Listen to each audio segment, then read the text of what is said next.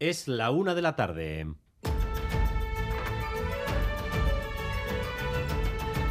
Crónica de Euskadi con Dani Álvarez. Arrachaldeón, 11.200 vidas se ha cobrado ya el terremoto de Siria y Turquía y entramos en las horas críticas del rescate. A partir de hoy, las esperanzas de encontrar a supervivientes se reducen mucho y la desesperación de los familiares aumenta. Óscar Pérez, momentos de angustia y dolor en dos países que se ven impotentes ante la dimensión del desastre. Angustia porque las próximas horas son fundamentales para salvar las vidas de quienes todavía están bajo los edificios. Cumplimos el tercer día desde el seísmo, ya hay 2.600 rescatistas sobre el terreno, la mayoría en Turquía, y trabajan a destajo. Subidos en las montañas de escombros, piden silencio y llaman a los atrapados. Si podéis escuchadme, golpear la pared es el signo de que hay alguien atrapado con vida y de que van a tratar de rescatarle. A cada hora que pasa las respuestas que reciben son menos, pero sigue habiendo milagros, como los tres niños y un hombre de una misma familia rescatados en Caramanarás. Los habitantes de la localidad aplaudían y vitoreaban el rescate de los pequeños. A la zona cero del terremoto ha llegado este mediodía el presidente turco que ha pedido unidad para hacer frente a las consecuencias del seísmo. Es una tarea que debemos hacer juntos. Ninguna de las familias afectadas se va a quedar sin casa en el futuro, ha dicho Erdogan. 50.000 personas trabajan ya sobre el terreno en Turquía, pero en Siria la situación es más caótica. Ayer llegaron aviones con ayuda humanitaria de Rusia, Irán, Irak y Argelia. Esta mañana la Comisión Europea ha confirmado que el gobierno sirio les ha solicitado ya oficialmente que les envíen ayuda. Como acaban de escuchar, Erdogan está visitando la zona cero, la más devastada del país, pero hay otra parte que es la de Siria que es un país que viene de una guerra y que convive con el conflicto aún latente. Si estaban mal con esto, han recibido un golpe letal. Desde Baracaldo, donde regenta una tienda de teléfonos móviles, el kurdo Mohamed Ismail pedía ayuda que no dejen a un lado a los kurdos y a los sirios afectados. A ver si pueden ayudar a mi pueblo, por favor. Hay muchos niños están muertos, necesitan muchas ayudas que llegan al pueblo. Hay gente están abajo de ahí, pero no tienen máquinas, no tienen nada para ayudarles. Pero queremos saber cómo llega ayuda a Siria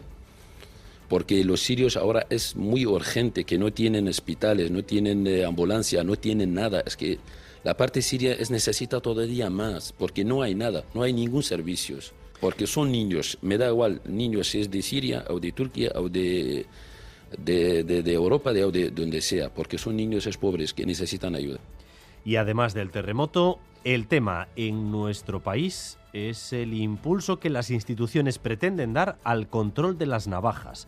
Irache Ruiz, el gobierno vasco ultima una norma para obligar a más locales nocturnos a tener seguridad privada. Si antes de instalar detectores de metales se debe formar a los vigilantes de seguridad, el director de Juego y Espectáculos ya le ha pedido a la Archencha que extienda la imposición de contar con seguridad privada formada a todas las discotecas. El Coreca reconoce que trabajan para dar respuesta a esta solicitud, pero matizaba en ETV que ahora se debe concretar el aforo de los locales que se verán afectados.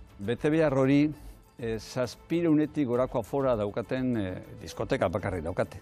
Segurazki lehenbiziko urratsa hortik eman beharko litzateke eta gu horretan e, bagabiltza. En la actualidad solo tenemos siete grandes discotecas con seguridad privada obligatoria. Veremos a cuántas más se le amplía esta exigencia. Cacheos obligatorios, más vigilantes de seguridad y en el horizonte la posibilidad de poner arcos de detección de metales.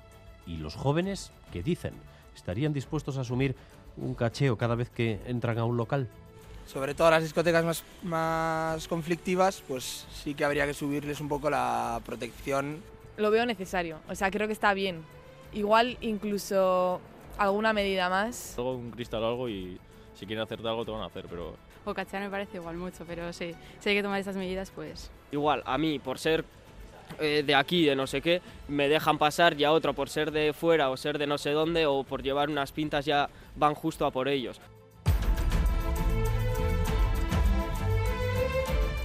Los estudios y el trabajo, 20 grados de los que se imparten en la Universidad del País Vasco garantizan al 100% un puesto de trabajo. Son grados sobre todo sanitarios y de ingeniería. En el resto las cosas tampoco van mal. El 90% de los que estudian en la universidad pública acaban trabajando. Otra cosa, Natalia Serrano, es cuánto cobran. Sí, entre 1.800 euros netos mensuales en esas áreas de salud, los más altos, y los 1.400 netos en áreas de humanidades. Un estudio de Lambide ha puesto las cifras. De media están cobrando salario medio 1.600 euros netos en 14 pagas. Fernando Tapia es vicerrector de estudios de la UPV. No se puede tener ingenieros eh, o ingenieras, no se puede tener médicos a 1.500, 1.600 euros. El esfuerzo que hacen los y las estudiantes para tener una buena formación, pues no, no puede ser luego recompensada con esos salarios tan exiguos. Satisfacción, no obstante, en el rectorado de la UPV, porque sí, el 90% de las personas graduadas allí cuentan con ocupación mínimo en tres años. 1.600 de media después de ir a la universidad. Y primer día sin la obligatoriedad de las mascarillas en el transporte público. No es obligatorio llevarlas, pero mucha gente aún las lleva, Natalia Díaz. Sí, a Rachaldeón, la realidad que nos hemos encontrado en autobuses, metrotrenes y tranvías es que la mayoría, sobre todo los jóvenes, se la han quitado y además con muchas ganas. Sin embargo, os diría que casi tres de cada diez la van a seguir llevando, la siguen llevando en el transporte, nos dicen, por seguridad, porque conviven con gente de riesgo, por protegerse de otros virus como la gripe o incluso hay quien nos decía se la irá quitando poco a poco para irse acostumbrando. Les escuchamos. Venía en el tren de Balmasea y la mayoría de la gente yo noté que todavía lo llevaba. Sí, sí, yo lo voy a seguir usando. No tengo pensado. En algún momento hay que quitarla, ¿no? Sí, me la voy a quitar.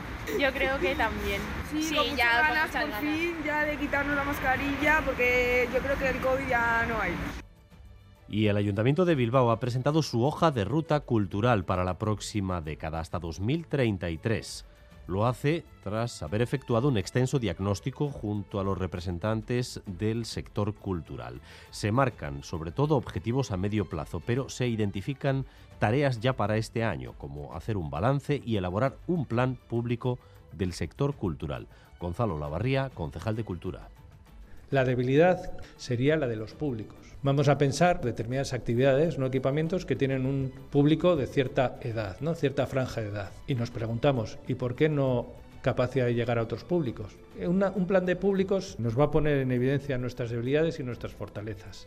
Pero sí es verdad que es una debilidad no tenerlo, porque es una herramienta de análisis necesaria. Y vamos también con lo más destacado del deporte, con Álvaro Fernández Cadierno, a Rachaldeón Álvaro. A Rachaldeón y con LeBron James como gran protagonista tras convertirse anoche en el jugador que más puntos ha anotado en la historia de la NBA, superando a Karim Abdul-Jabbar y de cara a hoy una cita destacada aquí en casa, Liga Femenina de Balonmano, Vera juega en Elche en la pista del quinto clasificado.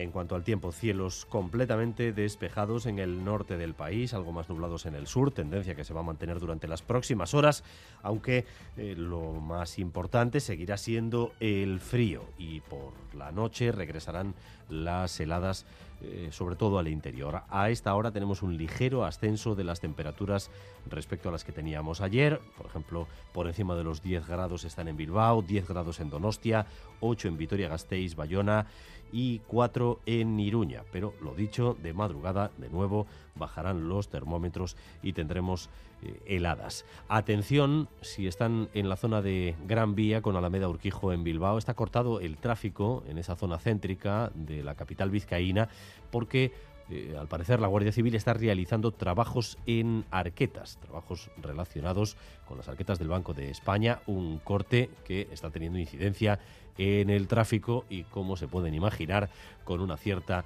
espectacularidad. Gracias un día más por elegir Radio Euskadi y Radio Vitoria para informarse. Raúl González y José Ignacio Revuelta se encargan de la dirección técnica y Aichiber Bilbao de la coordinación. Crónica de Euskadi Dani Álvarez.